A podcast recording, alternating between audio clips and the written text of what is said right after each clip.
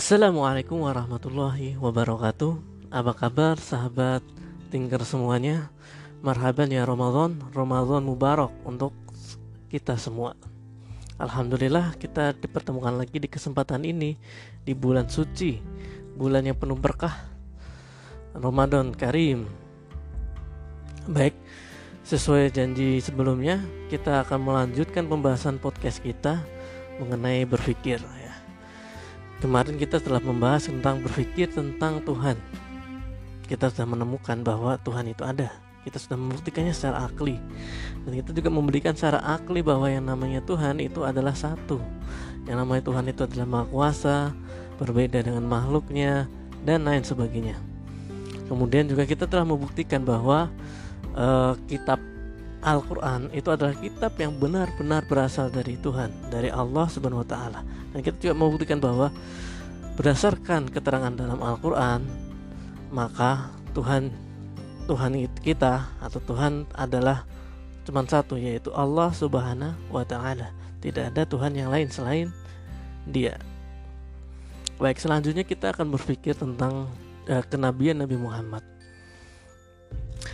jika kita sudah membuktikan kebenaran Al-Quran, membuktikan kebenaran Tuhan, Allah Subhanahu wa taala, bagaimana dengan kenabian Nabi Muhammad? Nah, di sini mungkin agak berbeda.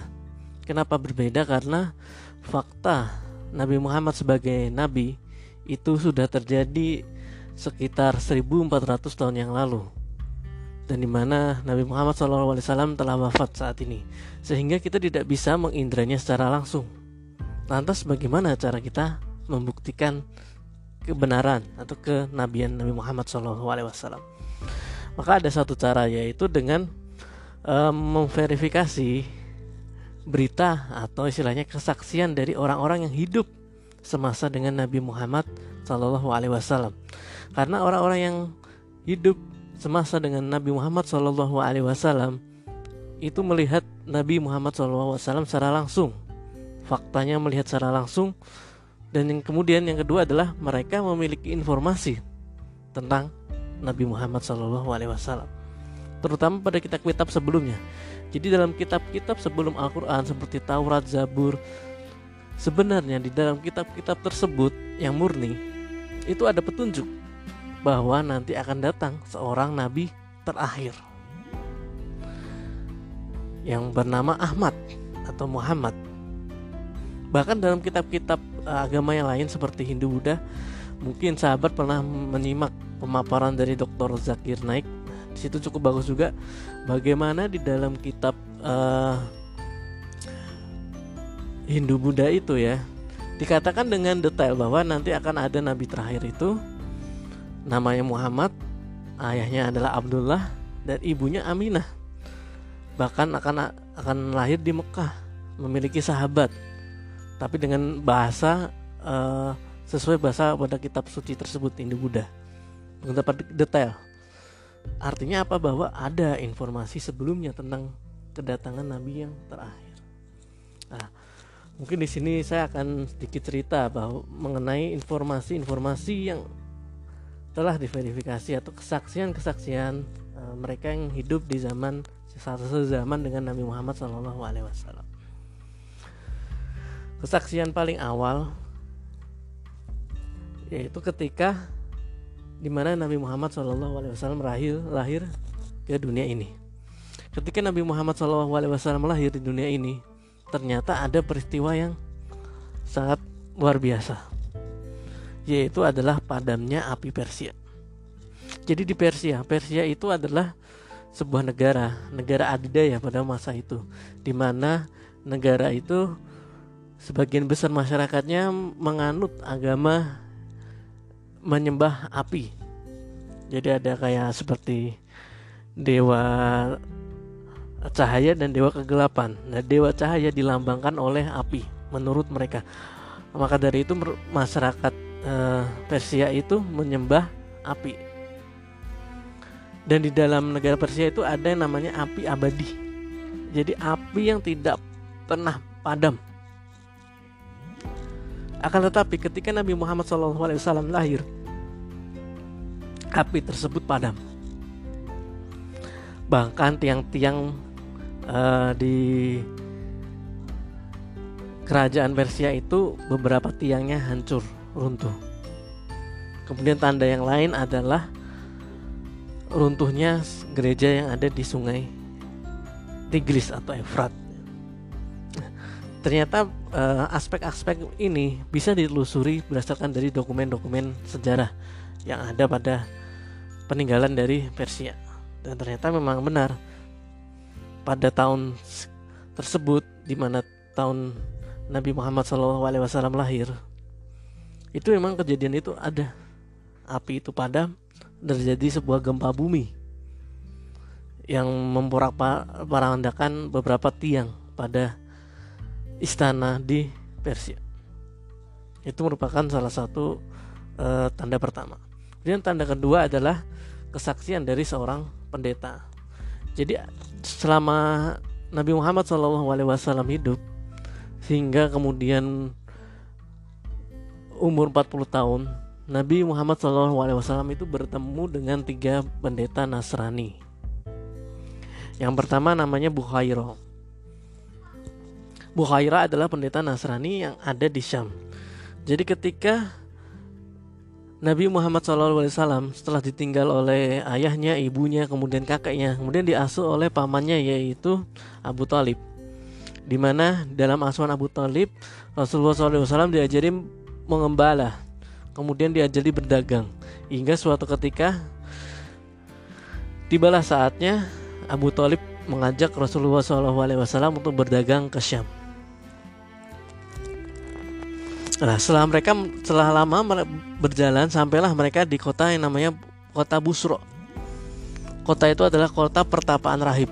Di sana banyak sekali rahib-rahib tidak pernah sepi dari pada yang namanya rahib di mana mereka belajar dan mengajarkan tentang agama Nasrani. Salah satu rahib yang ada ketika itu adalah Buhairo. Ketika rombongan Nabi Muhammad SAW dengan Abu Talib ini lewat di Busro, ya di kota tersebut, Buhairo keheranan. Kenapa keheranan? Karena di tengah panas yang terik tersebut ada sebuah awan yang berjalan seakan-akan melindungi seseorang. Melihat hal itu, Bukhaira penasaran. Kemudian akhirnya Bukhaira mendatangi rombongan tersebut dan mengajak rombongan tersebut untuk singgah di rumahnya. Bukhair berkata, Wahai orang-orang Quraisy, sungguh aku telah membuatkan makanan untuk kalian dan aku akan merasa senang jika kalian bisa hadir semua untuk menikmatinya. Maka uh, rombongan Abu Talib itu keheranan. Demi Allah punya hajat apa hai Bukhaira? Sebelumnya kamu belum pernah berbuat seperti ini terhadap kami, padahal kami sudah biasa lewat di sini. Maka apa hajatmu hari ini? Lalu Bukhaira berkata, benar apa yang kamu katakan, namun sekarang kalian adalah tamuku sehingga aku ingin memuliakan dan menghidangkan makanan untuk kalian. Maka aku berharap kalian semua sudi menikmatinya. Kemudian mereka semua berkumpul di tempat Bukhaira. Sedang Rasulullah SAW mereka tinggalkan di bawah pohon bersama kendaraan mereka sebab Rasulullah SAW masih kecil. Ketika Bukhaira mengamati orang-orang yang ada di tempatnya, dia tidak melihat di antara mereka sifat-sifat seperti yang dia ketahui dari kitabnya. Jadi dalam kitabnya Injilnya Bukhaira itu ada tanda-tanda kenabian itu ceritakan. Salah satunya adalah seperti apa namanya? Ada sebuah bentuk apel di punggungnya, misal seperti itu. Kemudian Bukhaira berkata kepada orang Quraisy, "Adakah dari kalian yang tidak turut menikmati hidangan ini?" Mereka berkata, "Semua ada di sini kecuali seorang anak kecil." Kemudian Bukhaira meminta mereka untuk memanggil anak kecil tersebut. Lalu orang tersebut pergi membawa Nabi Muhammad SAW ke dalam. Ketika Bukhaira melihat Rasulullah SAW, maka di sinilah Bukhaira itu mengamati fisik dan gerak-geriknya. Hingga akhirnya Bukhaira menemukan bahwa sifat-sifat itu ada pada putra Abdullah bin Abdul Muthalib yaitu Rasulullah SAW.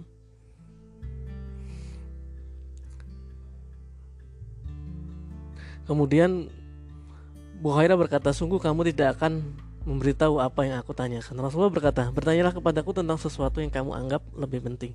Maka mulailah Bukhairah ini bertanya kepada Nabi Muhammad SAW. Pertanyaannya adalah tentang bagaimana keadaan tidurnya, gerak-geriknya, bahkan kejadian-kejadian yang pernah dialaminya.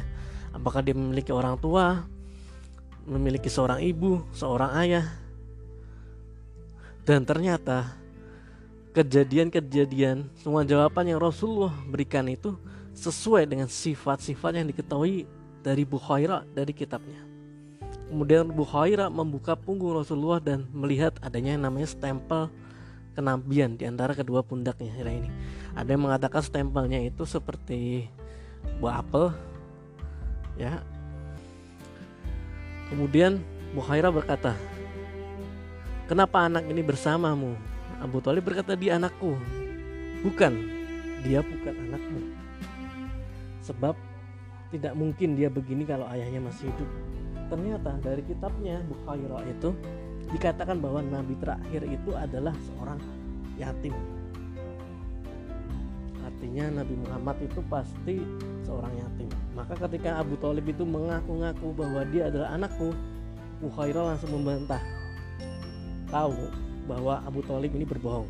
Bukan, ini bukan anakmu. Sebab tidak mungkin dia begini kalau saja ayahnya masih hidup. Nah, barulah Abu Talib berkata, ya benar dia adalah putra saudaraku. Dan ditanya, bagaimana dengan ayahnya? Wafat sejak dia di dalam kandungan. Kamu benar. Sekarang bawa pulang keponakanmu. Jadi ternyata orang-orang uh, rohib-rohib tersebut dalam kitab itu dijelaskan secara detail bahwa nabi terakhir itu seorang yatim di mana ayahnya itu meninggal ketika beliau masih dalam kandungannya. Lalu Bukhairah memperingatkan kepada orang-orang Quraisy, bawa pulang kembali keponakanmu dan berhati-hatilah dengan orang Yahudi, sebab kalau mereka tahu pasti mereka akan berbuat buruk kepadanya. Sebenarnya dalam diri keponakanmu tersimpan sesuatu yang sangat besar. Untuk itu bawalah dia segera ke negerinya ini mungkin uh, kisah lengkapnya bisa sahabat sekalian baca di kitab-kitab sirah yang mutabar ya seperti sirah Ibnu Hisam kemudian atau mungkin karangan dari Syekh Syafiur Rahman Al Mubarak Puri atau mungkin dari yang cukup bagus juga adalah karangan Sirah Nabawi dari Profesor Dr. Muhammad Rawas Haji.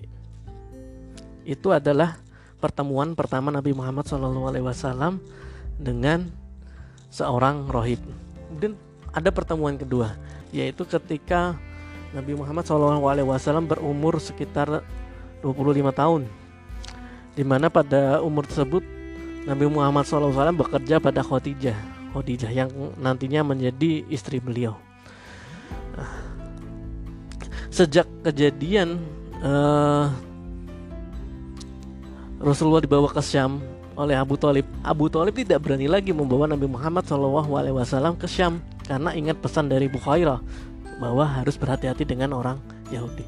Kemudian kedua kali Nabi Muhammad SAW ke Syam yaitu ketika memperdagangkan barang dagangan dari Khadijah. Nabi Muhammad SAW ketika itu uh, memperdagangkan barang dagangan Khadijah dengan Maisyarah. Maisyarah itu adalah pembantu dari Khadijah, seorang laki-laki. Kemudian di Syam Rasulullah singgah dan beristirahat di bawah pohon yang tidak jauh dari pertapaan rohib yang bernama Nasturo. Maka rohib itu mendekati Maisarah dan berkata, Siapa laki-laki yang beristirahat di bawah pohon itu? Kemudian dijawablah oleh Maisarah, dia itu orang Quraisy dari Ahlul Haram, keluarga terhormat. Kemudian Rohib Nastura itu berkata dengan gamblang kepada Maisarah, tidak seorang pun yang beristirahat di bawah pohon itu kecuali dia itu seorang nabi. Masya Allah. Ternyata dalam kitabnya Nasturo itu bahkan dijelaskan bahwa nabi terakhir itu nanti akan beristirahat di sebuah pohon di Syam tersebut. Dan ternyata para rohib-rohib itu Kenapa mereka berdiam diri di sana? karena mereka tahu mereka men, ya, menunggu kedatangan nabi terakhir tersebut sehingga mereka mengamati dan mereka tidak melihat bahwa ada orang yang beristirahat di bawah pohon tersebut kecuali Nabi Muhammad Shallallahu Alaihi Wasallam. Maka dari situ mereka yakin si Nasturo ini yakin bahwa Muhammad Shallallahu Alaihi Wasallam adalah seorang nabi. Itu pertemuan kedua dengan Raib. Dan ke pertemuan ketiga adalah dengan Warokoh yaitu ketika pertama kali setelah Nabi Muhammad SAW menerima wahyu pertamanya di Gua Hiro. Ketika itu Nabi Muhammad SAW ketakutan karena bertemu dengan malaikat. Maka ketika Nabi Muhammad SAW kembali dari Gua Hiro dalam keadaan ketakutan, kemudian Nabi Muhammad SAW uh, minta kepada Khadijah untuk menyelimuti dirinya. Kemudian esok harinya barulah Khadijah itu mengajak Nabi Muhammad SAW bertemu dengan pamannya. Pamannya Khadijah namanya adalah Warokoh. Warokoh ini adalah seorang Nasrani dan bahkan dalam uh, beberapa kisah uh, Itsar sahabat maupun kisah Israeliat disebutkan bahwa Warokoh ini sering sekali berdiskusi dengan Khadijah. Bahkan sebelum Khadijah itu bertemu dengan Nabi Muhammad SAW Khadijah itu sering bermimpi. Kemudian ditafsirkan oleh Warokoh bahwa Khadijah nanti suatu saat itu akan menikahi seseorang yang mulia seorang nabi.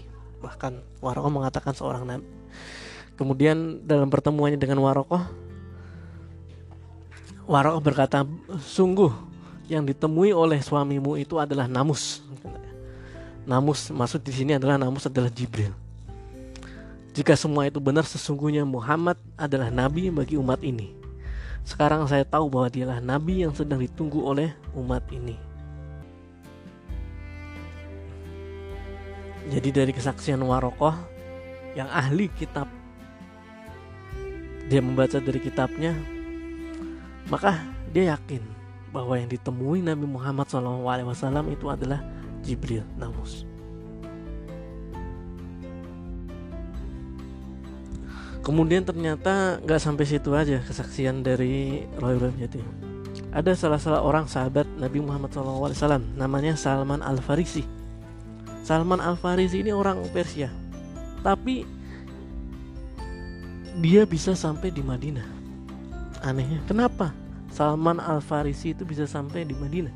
Ternyata ada kisah yang sangat luar biasa. Bagaimana Salman Al Farisi ini mencari kebenaran. Jadi Salman Al Farisi itu adalah seseorang sahabat Nabi dari bangsa Persia dari desa bernama Jayun di Isfahan. Isfahan mungkin Irak, Iran, Irak ya. Nah, Saman Al Farisi ini adalah ya sama seperti ayahnya pada awalnya adalah penyembah api, seorang majusi, ya kan, atau Zoroaster dan lain-lainnya. Dan bahkan Salman itu selalu mendapat tugas untuk mengawasi api. Selalu dipercaya ayahnya untuk mengawasi api yang dia nyalakan. Tapi tiba-tiba di dalam perjalanan dia mendengarkan suara orang-orang Nasrani yang sedang sholat di dalam gerejanya. Nah, Salman ini dibatasi oleh ayahnya dari dunia luar. Dia tidak boleh ke mana-mana, tidak boleh tertarik dengan yang namanya agama Nasrani. Tetapi semakin dilihat, Salman semakin tertarik dengan yang namanya agama Nasrani itu. Kemudian akhirnya Salman berkata bahwa Sungguh agama ini lebih baik daripada agama kami yaitu menyembah api. Sehingga akhirnya Salman di e, dipasung oleh ayahnya, tidak boleh keluar, dikurung agar tidak e, kabur dari rumah. Tetapi e, Allah punya kehendak Salman berhasil kabur dan akhirnya mengikuti rombongan dari rahib-rahib Nasrani tersebut sampai ke negeri Syam. Karena Salman menganggap bahwa agama tersebut adalah keimanan yang benar mereka Salman bertanya kepada mereka dari mana asal agama tersebut mereka menjawab dari Syam negara Syam adalah Suriah Yordania Palestina Lebanon kemudian sesampai di Syam Salman mencari rombongan tersebut dan menyatakan ke kesukaannya terhadap agama tersebut dan akan berkhidmah menjadi di gereja. Bahkan Salman itu menjadi salah satu pembantu dari rohib tersebut. Akan tetapi ternyata rohib tersebut itu adalah rohib yang curang. Ketika sang rohib itu meninggal dunia, barulah Salman itu tahu bahwa ternyata sedekah-sedekah yang dikumpulkan dari para fakir miskin digunakan untuk kepentingan pribadi rohib itu sendiri. Dari situ si Salman membenci perbuatan sang pendeta atau rohib. Kemudian ia membuka keburukannya kepada kaumnya dan menunjukkan harta tersebut. Tetapi sebelum pendeta itu meninggal, Salman bertanya, kepada siapa nanti dia harus mengikuti jika Anda meninggal. Ditunjuklah seorang laki-laki, seorang pendeta di kota Musil, di barat laut Irak. Setelah pendeta tersebut meninggal, Salman pergilah ke kota Musil bersama mengikuti kembali mengikuti seorang pendeta di sana. Hingga pendeta tersebut meninggal dunia. Nah setelah pendeta sebelum pendeta tersebut meninggal dunia, Salman bertanya lagi kepada siapakah saya harus ikut jika anda meninggal dunia. Lalu pendeta tersebut menunjuki seorang laki-laki di Nasibin. Jadi dari Musil, Salman ke Nasibin. Kemudian mengikuti pendeta yang disarankan. Hingga akhirnya pendeta yang ketiga ini yang diikuti Salman itu juga meninggal dunia. Kemudian sebelum meninggal, Salman bertanya hal yang sama. Kepada siapakah saya harus ikut? Kepada Anda jika Anda meninggal, setelah Anda meninggal. Kemudian uh, diwasiatkan bahwa oh, harus ikut seorang pendeta yang di Amuria. Setelah setelah dari dari Isfahan, kemudian Musil ke Nasibin, lalu kemudian ke Amuria. Nah, kemudian sama hal pertama hal yang sama dikatakan kepada pendeta tersebut. Setelah kau meninggal, saya harus ikut kepada siapa? Nah, tetapi ternyata jawabannya berbeda. Pendeta yang terakhir ini, yang keempat ini mengatakan bahwa sungguh aku adalah yang terakhir di kalangan umatku yang masih memegang agama yang benar. Jika aku meninggal, aku bersama dua orang sahabatku yang sebelumnya kamu ikuti adalah tiga dari yang terakhir. Jika aku meninggal maka pergilah engkau ke daerah di mana di sana tumbuh kurma yang subur. Karena di sanalah nanti nabi terakhir akan berhijrah. Masya Allah, ternyata ada keterangan seperti itu. Di mana nabi terakhir berhijrah, itu ternyata ada dalam kitabnya para rohib-rohib tersebut. Dan itulah kenapa di Madinah itu kenapa banyak Yahudi. Ternyata dalam kitabnya Yahudi itu disebutkan tentang kenabian terakhir. Bahkan Yahudi itu menunggu-nunggu nabi terakhir itu siapa. Maka dan salah satu tandanya adalah bahwa nabi terakhir nanti akan tinggal atau berhijrah di daerah yang subur tumbuh banyak pohon kurma dan daerah tersebut adalah Madinah. Jadi ketika para Yahudi itu berdagang kemudian menemukan sebuah daerah di mana tumbuh kurma yang sangat subur.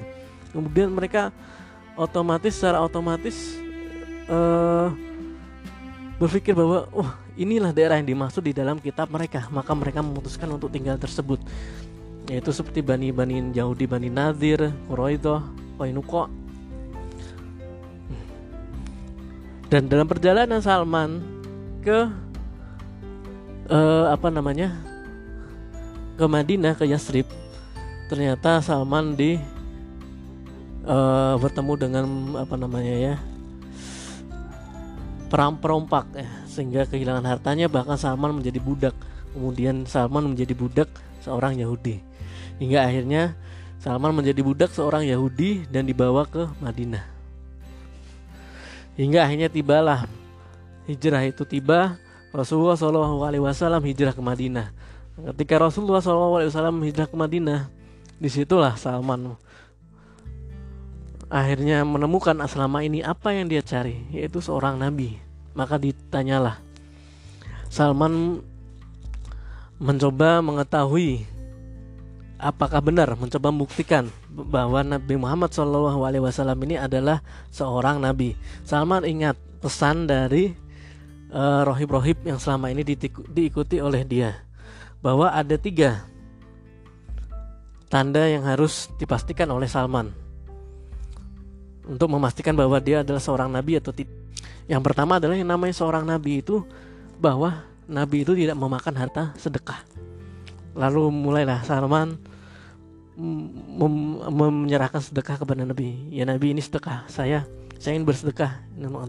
Dan ternyata setelah dilihat Nabi tidak memakan hasil sedekah tersebut. Nabi justru membagikan hasil sedekah itu kepada para sahabatnya.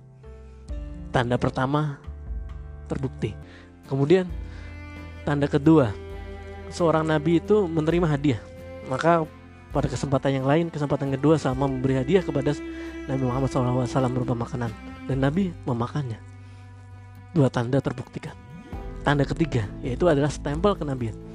Salman berusaha mencuri-curi melihat punggung Nabi, kapan punggung Nabi itu terbuka dan Nabi itu ingin melihat, eh Salman itu ingin melihat stempel kenabian pada tubuh Nabi Muhammad SAW. Ketika melihat gelagat Salman, Nabi Muhammad SAW bertanya, apa yang kau inginkan oleh Salman? Barulah Salman cerita kemudian dibukalah punggungnya dan di situlah Salman melihat stempel kenabian dan beriman kepada Nabi Muhammad SAW. Itu beberapa kisah. Ada kisah lain lagi, yaitu kesaksian dari para raja.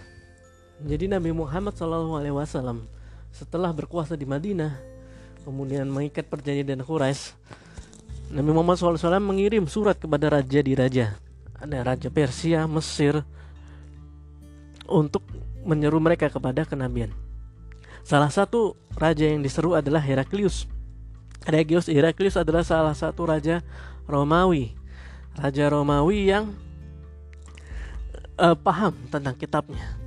Maka ketika mendapat surat itu dipanggillah salah satu seorang Quraisy yang sedang ada di Syam yang paling terpercaya yaitu Abu Sufyan. Maka dipanggillah Abu Sufyan kemudian ditanyalah Abu Sufyan tentang tanda-tandanya. Yaitu apakah pengikutnya adalah orang miskin? Begitu kata Heraklius. Apakah dia disunat? Apakah dia dari kalangan terpandang?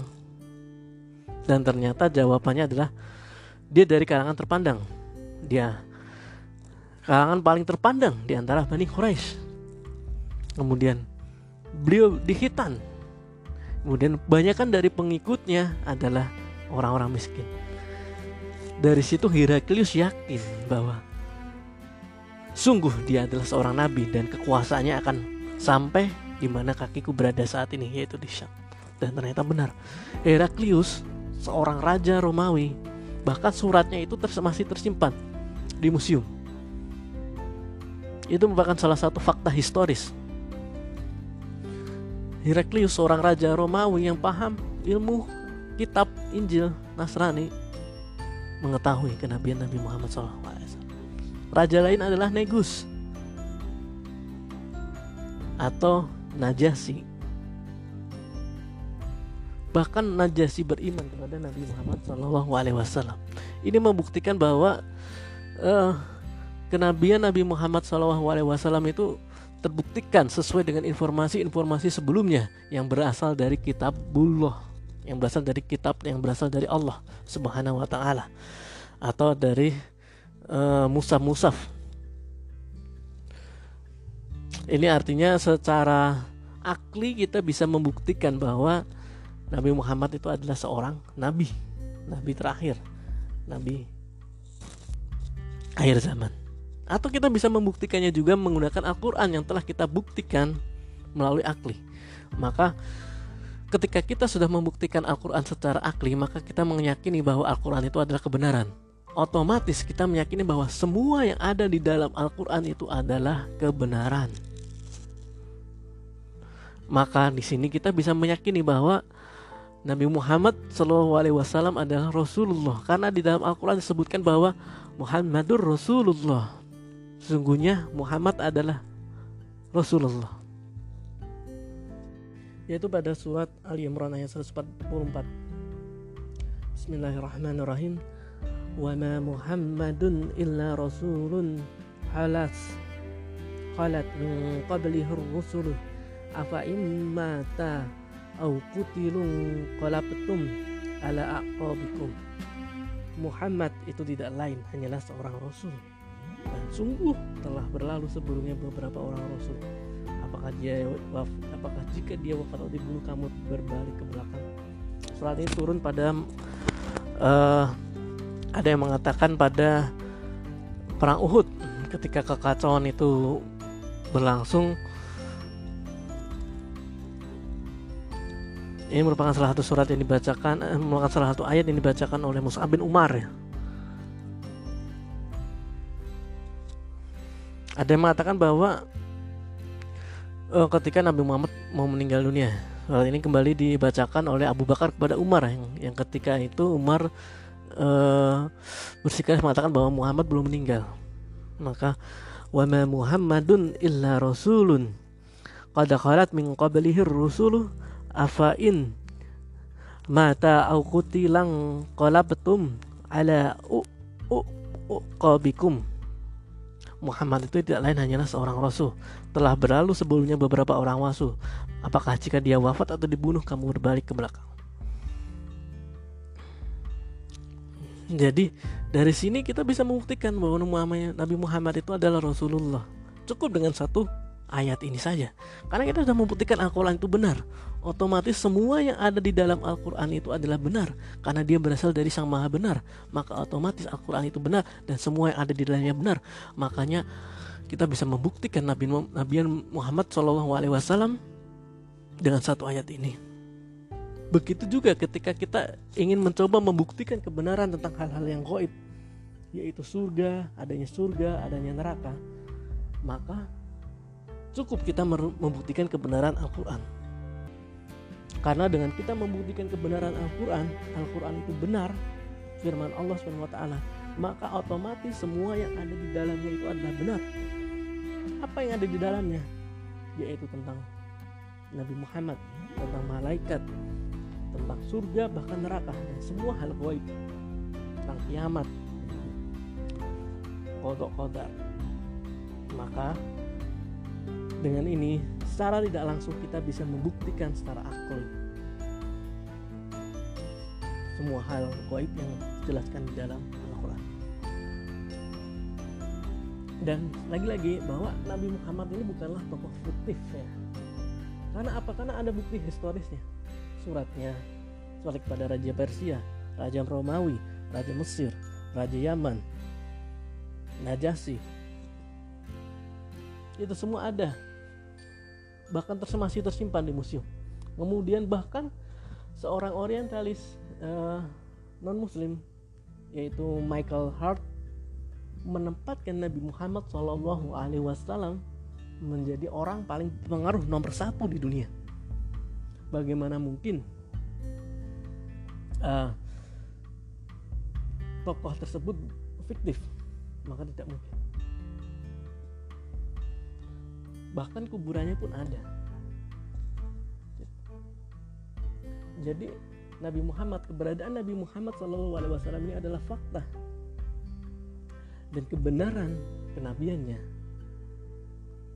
itu dapat dibenarkan secara akli melalui fakta historis maupun kisah-kisah ataupun atsar ataupun hadis-hadis yang telah terbukti kesohihannya atau kemutawatirannya karena uh, terjaga turun menurun tidak berubah informasi tersebut.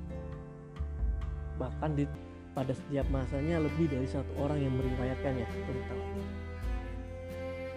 maka kesohiannya 100% mungkin demikian untuk sesi kali ini yang bisa saya sampaikan kurang lebihnya uh, jika ada kekurangan itu murni dari saya pribadi dan jika ada kebenaran itu datangnya dari Allah Subhanahu wa.